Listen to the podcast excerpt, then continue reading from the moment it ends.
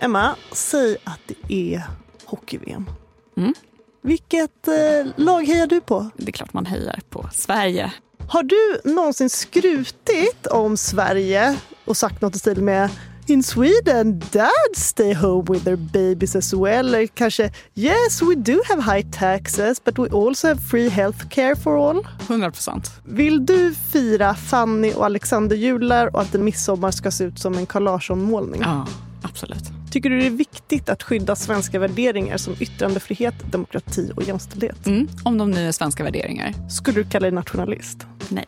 Varför inte? Du sa ju ja på massa av de här frågorna. Jag tycker ju att Sverige är ett fantastiskt land att bo i. Men jag tycker väl att nationalist har en ganska negativ klang. Och det är kanske inte den typen av kärlek jag känner för mitt land. Du har mer platoniska känslor. Ja. För nationalister har väldigt erotiska känslor Ja, för Sverige. de är lite för sexuella Ja. för mig.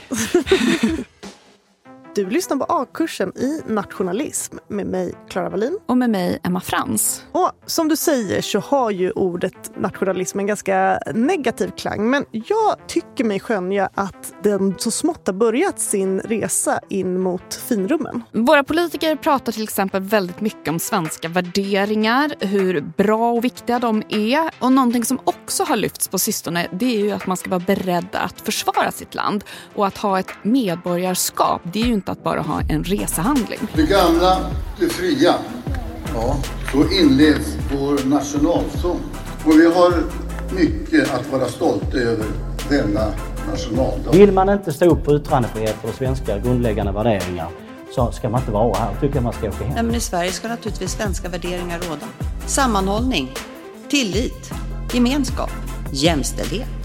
Men det är ju Sverigedemokraterna som driver en politik och en retorik som går tvärs emot det som är grunden i Sverige och de svenska värderingarna. Men vad innebär egentligen nationalism? Måste den alltid vara främlingsfientlig? Och varför har den fått ett sånt uppsving de senaste åren? Burrow is a furniture company known for timeless design and thoughtful construction and free shipping, and that extends to their outdoor collection. Their outdoor furniture is built to withstand the elements, featuring rust-proof stainless steel hardware, weather-ready teak, and quick-dry foam cushions. For Memorial Day, get 15% off your Burrow purchase at burrow.com slash ACAST and up to 25% off outdoor. That's up to 25% off outdoor furniture at burrow.com slash ACAST. I'm Sandra, and I'm just the professional your small business was looking for. But you didn't hire me because you didn't use LinkedIn jobs. LinkedIn has professionals you can't find anywhere else, including those who aren't actively looking for a new job but might be open to the perfect role, like me. In a given month, over 70% of LinkedIn users don't visit other leading job sites. So if you're not looking on LinkedIn, you'll miss out on great candidates like Sandra. Start hiring professionals like a professional. Post your free job on linkedin.com/people today. Hey, it's Ryan Reynolds, and I'm here with Keith, co star of my upcoming film, If, only in theaters, May 17th. Do you want to tell people the big news? All right, I'll do it. Sign up now and you'll get unlimited for $15 a month in six months of Paramount Plus Essential Plan on us. Mintmobile.com slash switch. Upfront payment of $45 equivalent to $15 per month. Unlimited over 40 gigabytes per month. Face lower speeds. Videos at 480p. Active Mint customers by 531.24 get six months of Paramount Plus Essential Plan. Auto renews after six months. Offer ends May 31st, 2024. Separate Paramount Plus registration required. Terms and conditions apply if rated PG. A-kursen sponsras av Akademikernas a-kassa. Det är också Sveriges största a-kassa. Och varför ska man vara med i a-kassan? För att sova bättre om nätterna. För det här är ju någonting som ger en trygghet.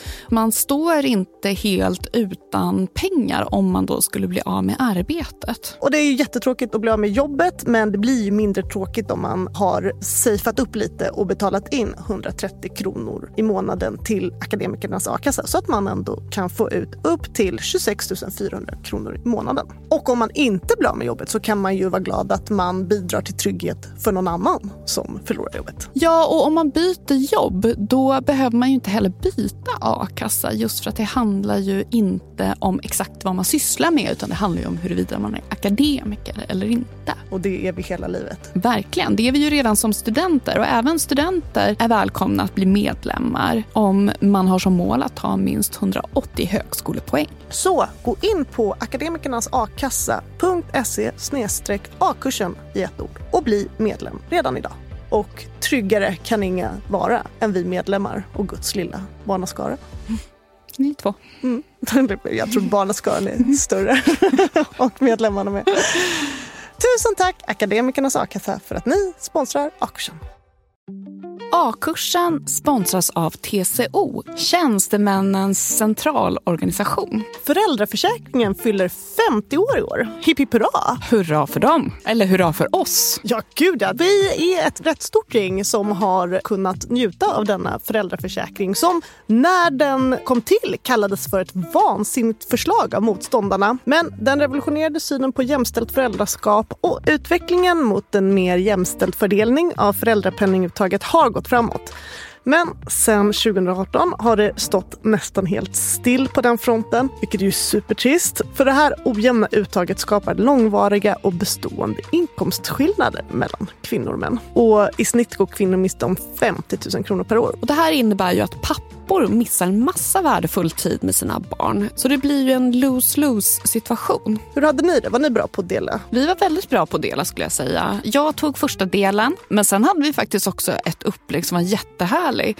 Där vi båda liksom jobbade halvtid och var föräldralediga på halvtid sista liksom perioden innan i alla fall vårt andra barn började på förskola. Så dela mera, säger vi. Eller hur? Absolut. Och för att fira denna fantastiska 50-årsdag som föräldraförsäkringen firar så har TCO gjort en dokumentärfilm ledd av skådespelaren Emma Molin som i lite härlig historieätaranda berättar om vad som egentligen hänt sedan 1974. Så in och kika på den på TCOs sajt. Tack TCO för att ni sponsrar A-kursen. Och till vår hjälp idag så har vi Nils Edling som är professor i historia vid Stockholms universitet. Vad menas med nationalism? Jag skulle säga att det är en väldigt bra fråga med ett komplicerat svar. Men alltså, det menas ju en rad olika saker. Det är ju så att det är ny forskning talar man i regel om detta i plural. Men om man går tillbaka så säger man ju att det är en stark känsla för det egna folket och tro på det egna landets företräden. Det är den definitionen som finns i Svenska Akademins ordbok utav nationalism. Och att den då riktar sig då att man har försvarat det egna landets intressen mot andra länder. Och så. Men jag tror att man ska tänka att det är tre komponenter i nationalism. Det första är ett samhälle med eh, ska jag säga, alltså gemensam politisk styre, gemensam ekonomi i någon mening och så, och gränser. Det är det första, alltså en politisk gemenskap. Det andra är den kulturella gemenskapen, att man då har gemensamt språk, gemensam historia, gemensamma myter. Och det tredje är att man kan se det hela som att det finns en etnicitet det vill säga att man också har ett gemensamt ursprung. Vi har en gemensam härstamning. Och de här tre, alltså föreställningen om samhälle, den politiska gemenskapen, en kulturell gemenskap och en etnisk gemenskap, de korsas och blandas på olika sätt i nationalism. Men ska man försöka vinga in det som ideologi så är nationalism någonting som brukar man säga, har tre komponenter. Det första är ju föreställningen om nationen som en alldeles grundläggande gemenskap. Den är naturlig, nationen som kollektiv finns där. Och det gör att, i och med att den är ursprunglig och naturlig så är kravet på lojalitet med nationen grundläggande. Nationen har företräde.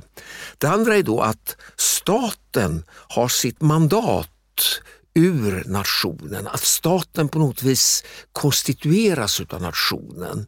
Och det gör ju i sin tur att lojaliteten med staten, eftersom den då företräder nationen, överför den lojalitet man har med nationen så man kan ha krav på att man ska ha lojalitet med staten också av samma slag. Och det tredje är då att de här ska hänga ihop, det vill säga att varje nation ska ha en egen stat, det vill säga att världen ska bestå av nationalstater. Men vad är egentligen skillnaden mellan nationer och stater? Ja, om man tänker sig en, en stat. En stat brukar man säga är en organisation som behärskar ett visst territorium. Den klassiska definitionen då att den har monopol på våld inom sitt område, då, alltså inom sitt territorium, alltså det är en stat. Och att den då har en struktur med eh, förvaltning och vad det kan vara, som, allt som krävs för detta för att ha kontroll över ett territorium. En nation är ju betydligt svårare att säga vad det är för någonting. Är det då baserat på en vi-känsla? Vi som har ett gemensamt språk, vi som har en gemensam historia, vi som har ett gemensamt ursprung och så vidare. Är det det som definierar en nation? Det brukar man ju säga då. Så att, och sen kommer det då in, men hur är det då, har vi ett gemensamt ursprung också rent, eh, alltså är det, härstammar vi från samma folkgrupp eller något sådant? Eller är det då bara att vi bor här och delar det här? Och då blir det mer komplicerat. Men man brukar ofta ringa in nation med det här just att det är språk, kultur och historia. Inte minst historia, det här med minnen och myter och att det här, allt man har glömt bort och ändrat om för att få det att passa med den historia som är den som, liksom är den som, som gäller. Det skulle jag säga är den vanliga definitionen på nation. Va? Men det är som sagt inte alldeles enkelt just därför att de blandas ihop. Va? För några år sedan så tänkte jag på nationalister som så här, töntar i knätofsar. Ofta representerade av ett visst eh, nationalistiskt parti. Medan nu är det liksom SVTs stora underhållningssatsning är historien om Sverige där vi liksom ska lära känna vår nation från att det ens gick människofötter på den här plätten mark. Att nationalismen har gått lite från fult till fint.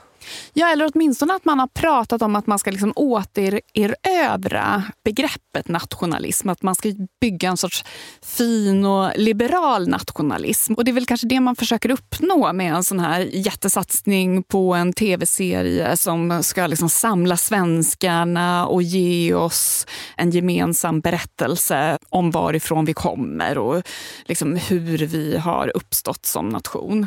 Har du sett eh, programmet? Delar av det. Jag tittade lite på första avsnitten när det var liksom typ inlandsisen drog sig tillbaka. Så svenskarna då, som var på plats, eh, kunde man med god vilja tänka att det var.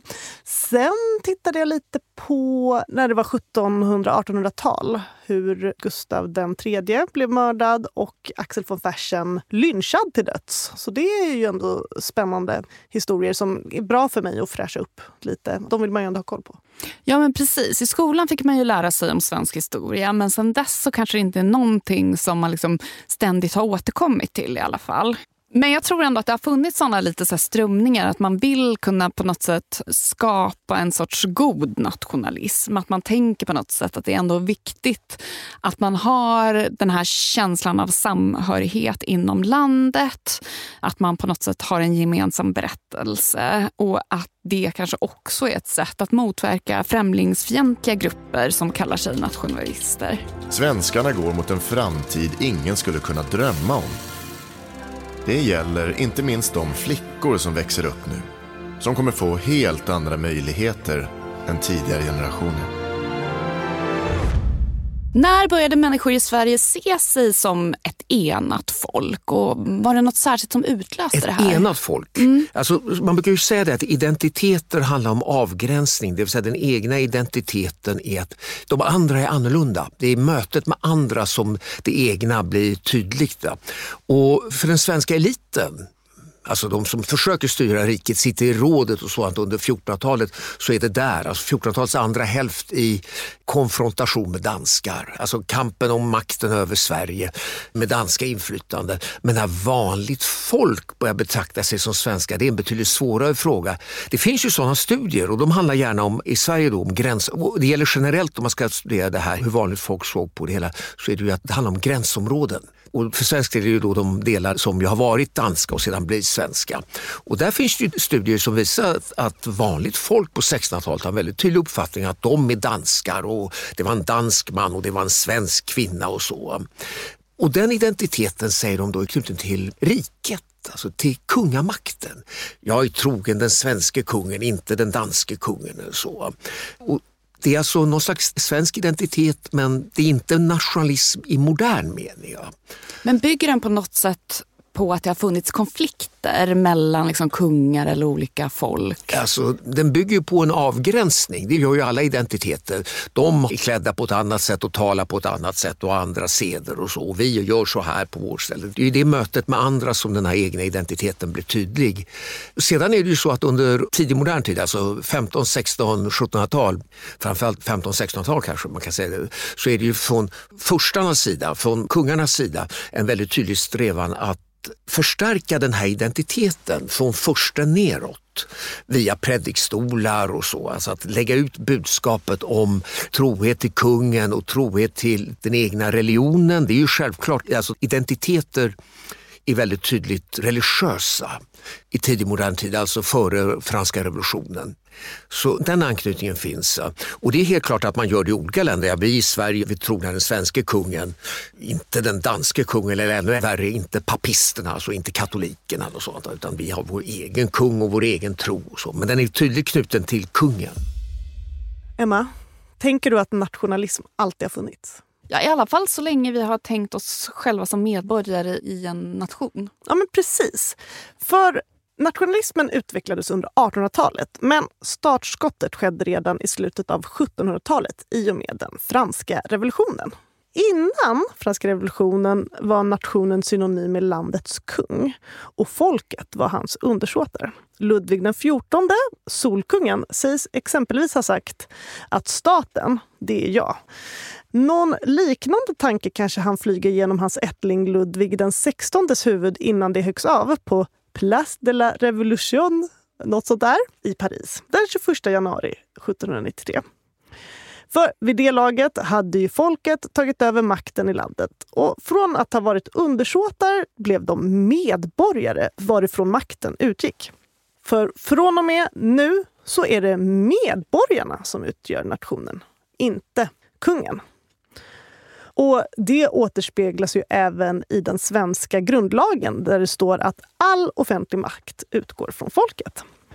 Men när man då har formulerat den här idén att det är faktiskt inte kungarna som utgör nationen, utan det är folket som utgör nationen. Då är ju inte steget så långt till att tänka vilka är då folket? Så i och med det så började ju den här nationalismen behövas för att liksom definiera vad är då folket? Och då har det ju funnits vissa grupper som fokuserar mer på medborgarskap, var med på pappret. Medan andra har tänkt att det handlar om språk, kultur, gemensam historia.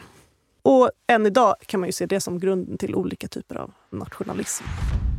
Det är två processer. Det ena är ju franska revolutionen och den förändring som kommer med det, som inte bara har med franska revolutionen att göra, som är mycket större. Själva grundvalen för makt i samhällen förändras. Den andra tanken är den som finns hos vissa upplysningstänkare, även om de kanske själva i efterhand inte skulle se sig som sådana. Det är ju det här att det finns en rad olika folk. Johan Gottfried Herder, en tysk upplysningsfilosof och historiker och språkforskare så från 1700-talets andra hälft talar om detta att man kan se de olika folken som blommor det är ju bara skapelsens trädgård så mycket vackrare med alla dessa olika folk som har sina egna språk, sina egna seder, sin egen kultur och det har de haft länge. Så folken har en historia. Och den här tanken, det ena då med medborgarna, alltså med mobilisering av medborgare och folket i nationens namn och den andra tanken om att det finns folk som gamla kulturer. De här två är ju nationalismens grundelement under 1800-talet. De växer ihop och vävs samman och förändras på olika sätt. Men där har du det. Och sedan är förutsättningarna under 1800-talet handlar ju om att det är masspolitik man talar, alltså det är organisering av folket, av stora partier, det är industrialiseringen med den oerhörda samhällsomvandlingen och du har framväxten av tidningar, på det egna språket som läses på olika sätt och inte minst du har massutbildningen, du har skolväsendet som växer fram som ju lär ut det egna landets historia, det egna landets geografi och det egna språket och så. Där har man kan vi säga, hur nationalismen sprids och förstärks och blir ska vi säga, en ideologi att räkna med. Deutschland, Deutschland, så under 1800-talet blev alltså nationalismen en grej. Men under 1900-talet så kan man väl säga att varumärket naggades lite i kanten. Den kanske blev lite för hypad där ett tag. Ja, det kan man eh, lugnt säga. Det blev en backlash. Ja, av goda skäl. Verkligen.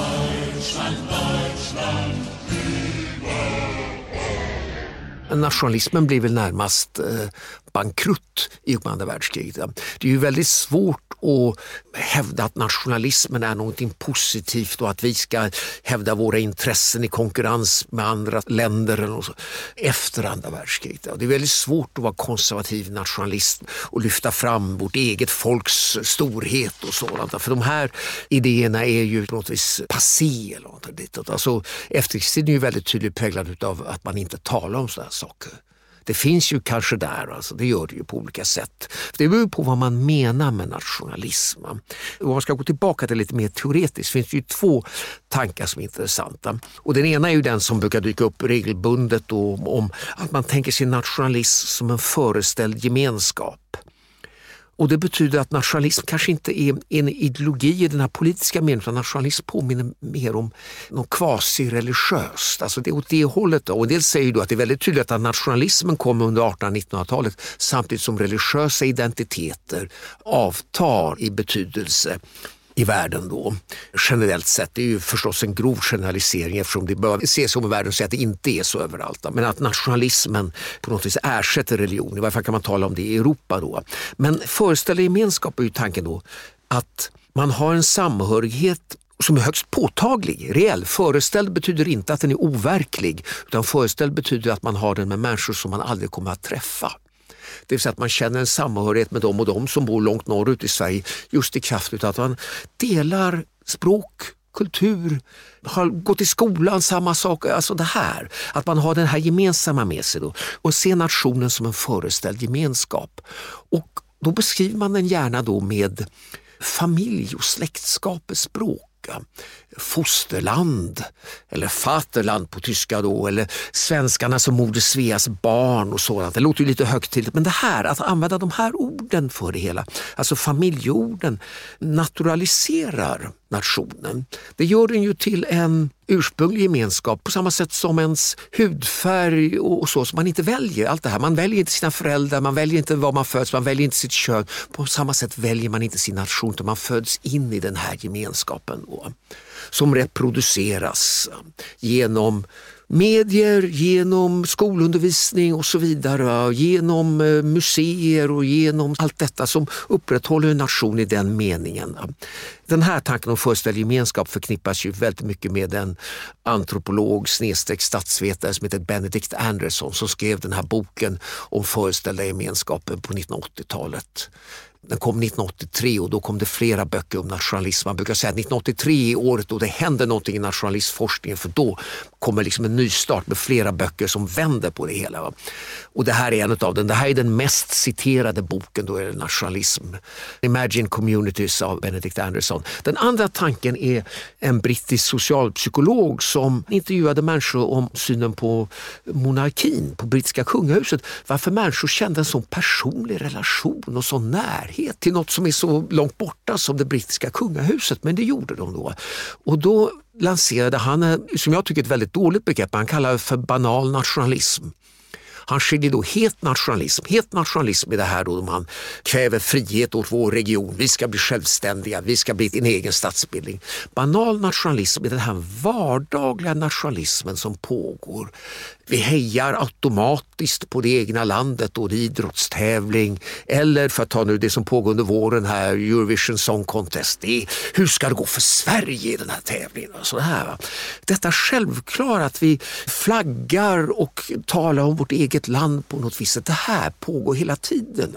Detta är den vardagliga, banala nationalismen det konkreta bekräftandet av nationen som pågår precis hela tiden. Och han menar ju då att det här är en förutsättning för den andra sortens nationalism. Då, att den tar sig uttryck i att vi är hotade, vi ska invadera ett annat land för de är ett hot mot oss. Eller sådant. Men kan man säga att nazismen liksom dödade nationalism som en politisk ideologi men att den här liksom, tron på gemenskapen, att den har fortsatt att finnas kvar? Ja, det är väl en väldigt bra formulering. Så tror jag att det är. There's never been a faster or easier way to start your weight loss journey than with PlushCare. PlushCare accepts most insurance plans and gives you online access to board-certified physicians who can prescribe FDA-approved weight loss medications like Wigovi and Zepbound for those who qualify.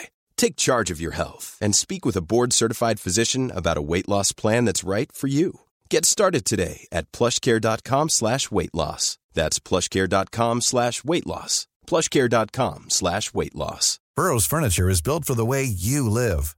From ensuring easy assembly and disassembly to honoring highly requested new colors for their award-winning seating, they always have their customers in mind. Their modular seating is made out of durable materials to last and grow with you. And with Burrow, you always get fast, free shipping. Get up to 60% off during Burrow's Memorial Day sale at burrow.com slash ACAST. That's burrow.com slash ACAST. burrow.com slash ACAST. Hey, it's Ryan Reynolds, and I'm here with Keith, co star of my upcoming film, If, only in theaters, May 17th. Do you want to tell people the big news?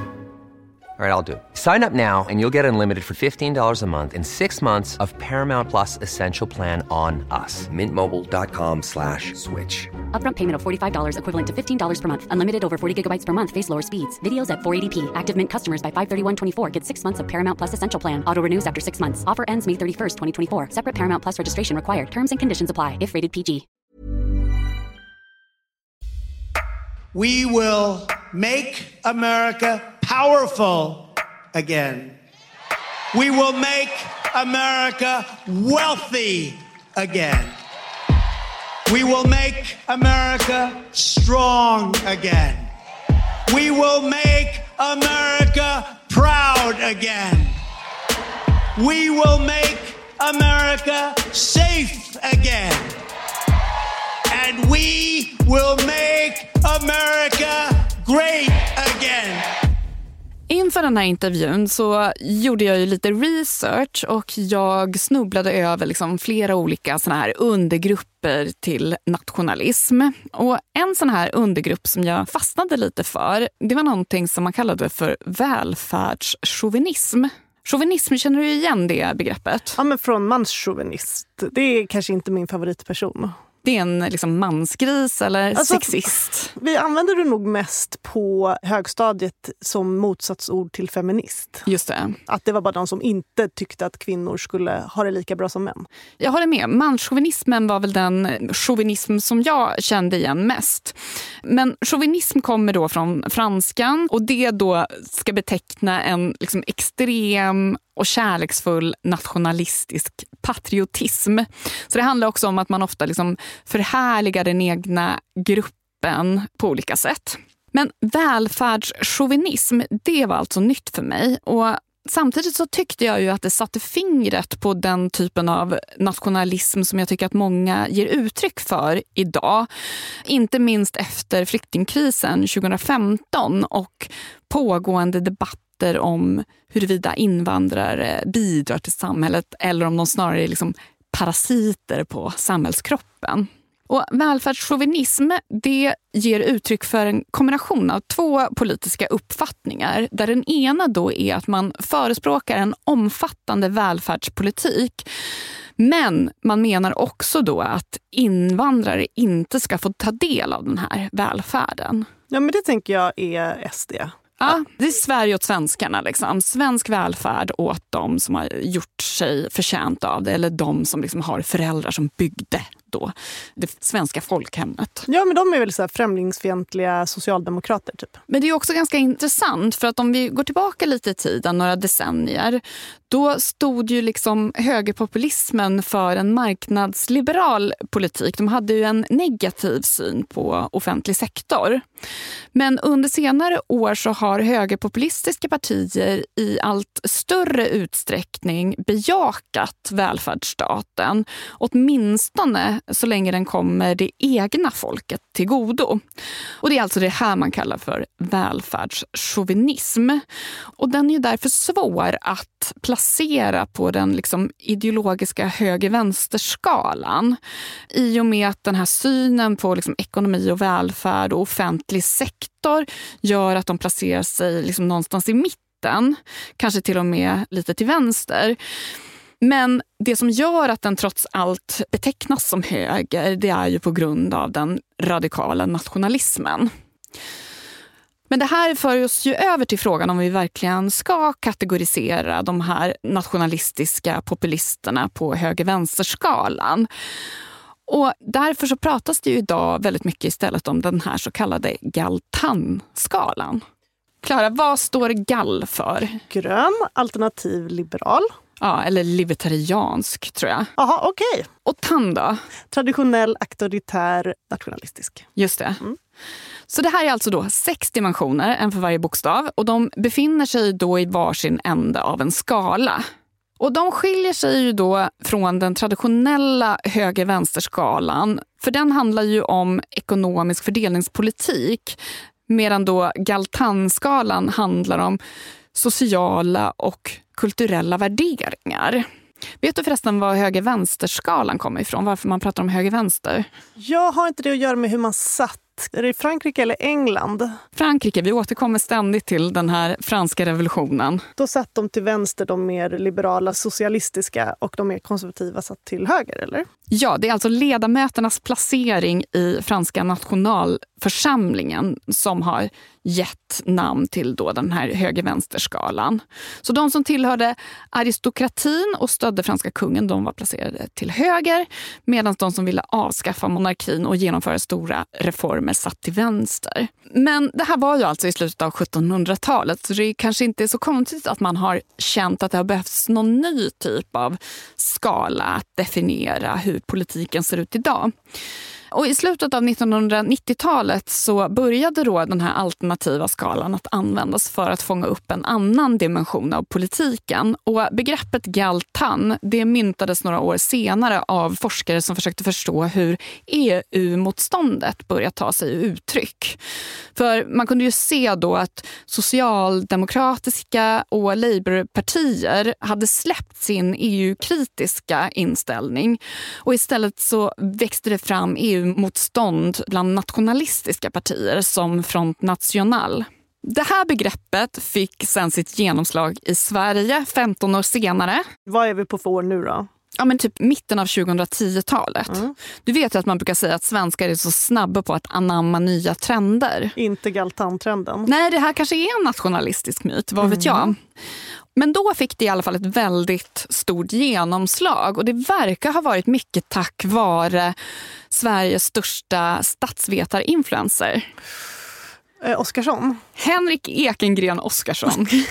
Inte att blanda ihop med Marcus Oskarsson. Han är ju känd från vårt avsnitt om Nato och eh, SOM-undersökningen om NATO-opinionen.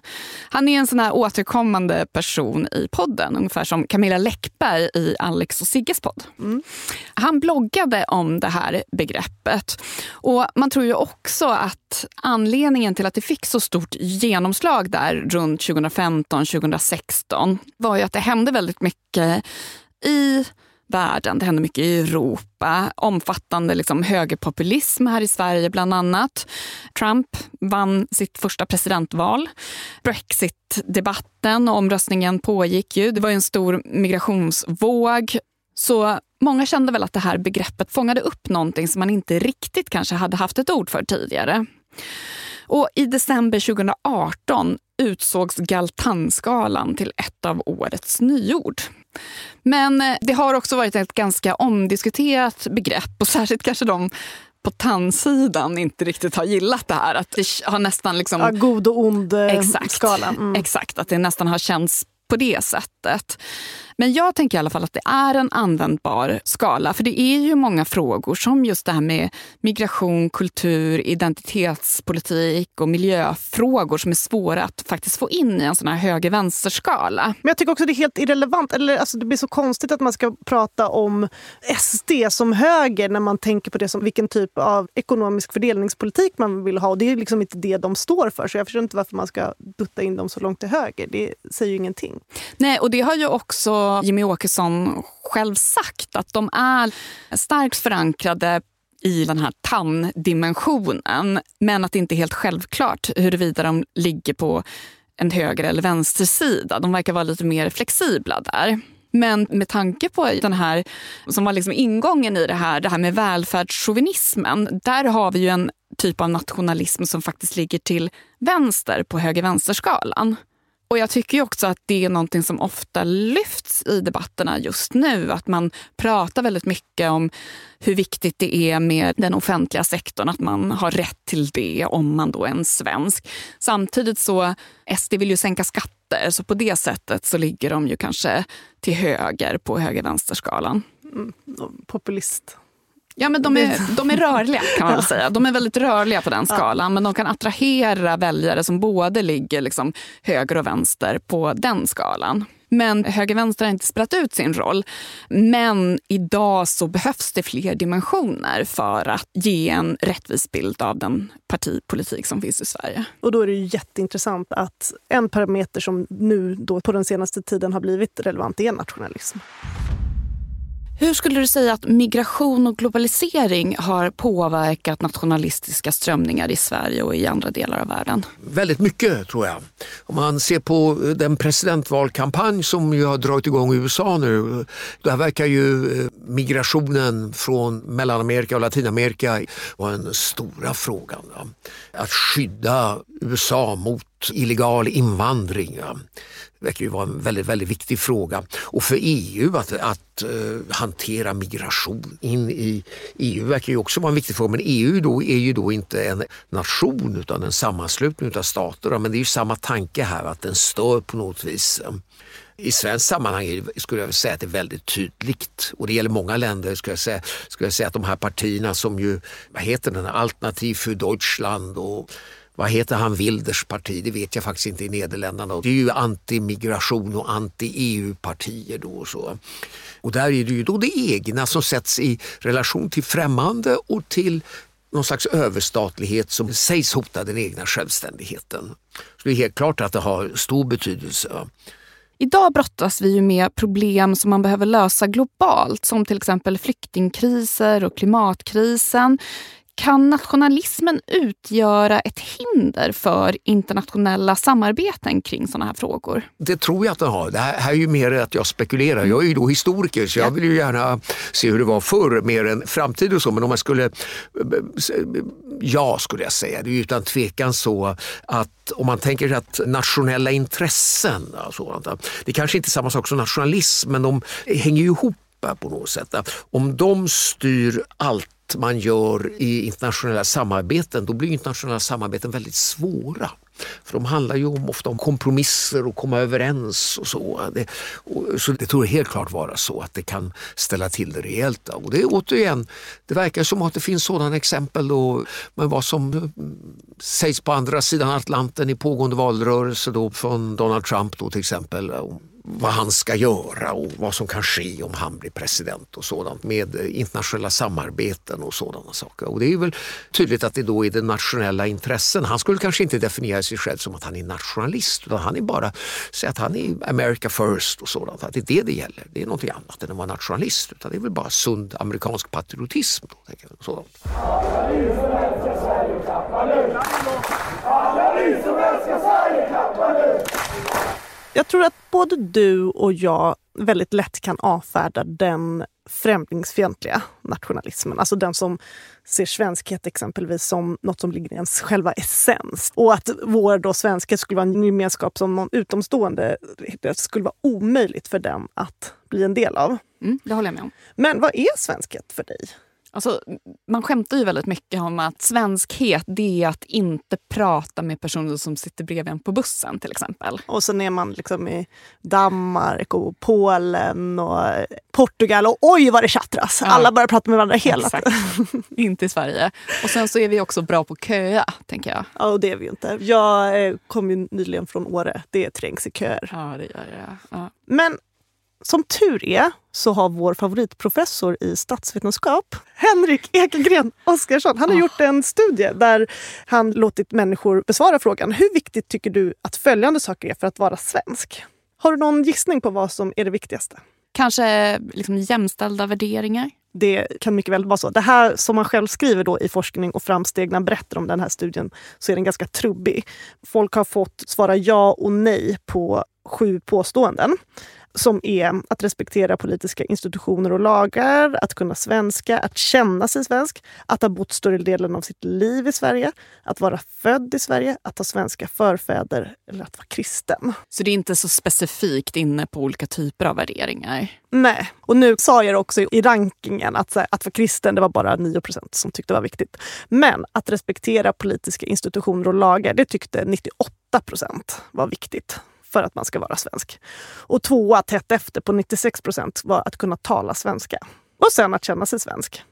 Och att, här, att vara född i Sverige och att ha svenska förfäder verkar inte så viktigt. Det var 25 procent som tyckte det var viktigt och 12 procent att man skulle ha svenska förfäder. Så det är ju ändå så att svensk är något som de flesta är överens om att man kan bli. Och enligt Henrik borde man då alltså toksatsa på svenska språket och informera om svenska lagar. Och så. När publicerades den här? I juni förra året. Ah, okay. Men dessvärre så vill en annan kändis från A-kursen, historikern Lars Trädgård, sprida lite smolk i bägaren. I en replik till den här texten så menar Lars Trädgård ju att svenska lagar bygger på svenska värderingar. Så att det kanske inte är bara så enkelt att börja följa svenska lagar. Men oavsett vad svenskhet är så kan jag ändå ha svårt för den typen av typ antirasism. Som man ser det än idag, men jag tyckte ännu mer för några år sedan där det framhölls att svenskhet var ingenting. Svenskhet inte fanns. En så här självutplånande approach till svenskhet. Kan du minnas att det var lite så? Det kan jag absolut. Och där tror jag liksom att vi har sett en motreaktion på det. Att man ändå på något sätt pratar om att det finns en vikt av en i alla fall liksom, liberal nationalism. Ja, och att jag tror det kan elda på den främlingsfientliga nationalismen om man inte kan vara okej okay med att det finns ett vi De måste kunna få känna sig som en del av en gemenskap, annars så finns ju ingenting. Mm. Och att det kanske också känns lite förljuget. Ja men verkligen, alltså ja. godhetsposerande. Ja, exakt, för att jag menar ingen kan väl förneka att man har saker gemensamt med andra personer som har fått en liknande utbildning under grundskolan. Och Tittat man... på samma barnprogram, exakt. lyssnat på samma musik, åkt samma kollektivtrafik. Det är ju bara löjligt att låtsas som att vi har inget gemensamt. Alla är bara en världsmedborgare medborgare. Men eh, jag tyckte Herman Lindqvist formulerade det väldigt fint i DN Debatt år 2020 som en replik på en SAS-reklam där då andemeningen var att så här, det finns inget som är svenskt för allting är bara ihopplock av världen. What is truly Scandinavian? Absolutely nothing. Everything is copied. Och då menar Herman Lindqvist att ja, men alla olika länder har ju sin unika mix av hopplock från hela världen. Det är inte så att någon är isolerad. Och då skriver han så här. En nation är som en flod. Den har samma namn i hundratals år och flyter fram genom landskapet. Men den badande stiger aldrig ner i samma vatten. På samma sätt förändras den svenska mixen varje dag genom att nya människor kommer in och med dem nya idéer, ord, seder och bruk. Nya namn dyker upp på dörrarna, nya matdofter sprids i trapphusen. Det är inte samma land som för 20, 50 eller 80 år sedan. Astrid Lindgrens Bullerby hade upphört redan innan hon skrev sina böcker. Alltså är att svenskhet finns, men den är föränderlig.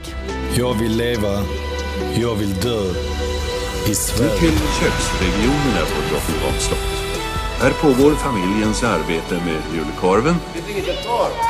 Finns det svensk kaffe på hotellet? Ja, det finns svensk kaffe på hotellet. Ja. Nu brinner juleljuset för er alla. Nu är det precis som det ska vara. Ja, Stig, vi, vi kan leka då.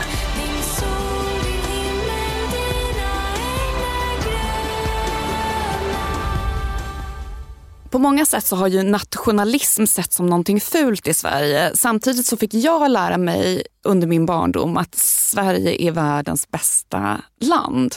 Hur går det här egentligen ihop? Jag gissar att om du hade vuxit upp i Norge hade du fått lära dig eh, samma sak men att ett annat land var bäst då, det vill säga det egna landet. Så fungerar det helt enkelt. Jag tror att det, eh, och nationalismen finns där även om vi liksom inte kallar den för det. Ja, det är nationalism. Eh, som en del gör då den här, återigen en distinktion. Nationalism i det här då, att man lyfter upp det här med att nationen är ett naturligt kollektiv och att staten ska bygga på nationen och därmed ha den lojalitet som finns i kollektivet överförs till staten och att det blir en nationalstat. Så om man tänker bort det och så säger man mer att man kallar det för nationellt tänkande så är det helt klart att det finns där som den här vardagliga nationalismen. Det finns finns ju där. Och den tanken om föreställd gemenskap finns ju väldigt tydligt. Om en svensk samhörighet och sånt. Den finns ju där hela tiden och den finns i alla länder skulle jag säga. Jag tror inte att du går, om du hade gått i en fransk skola i Frankrike, fått lära dig någonting. Att det,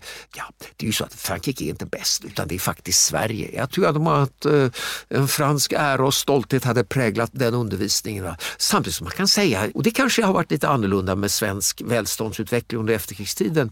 Därför i många länder har man ju sagt att det eh, vi har ju fantastiskt bra och sådant men vi kan ju alltid lära oss något av andra länder.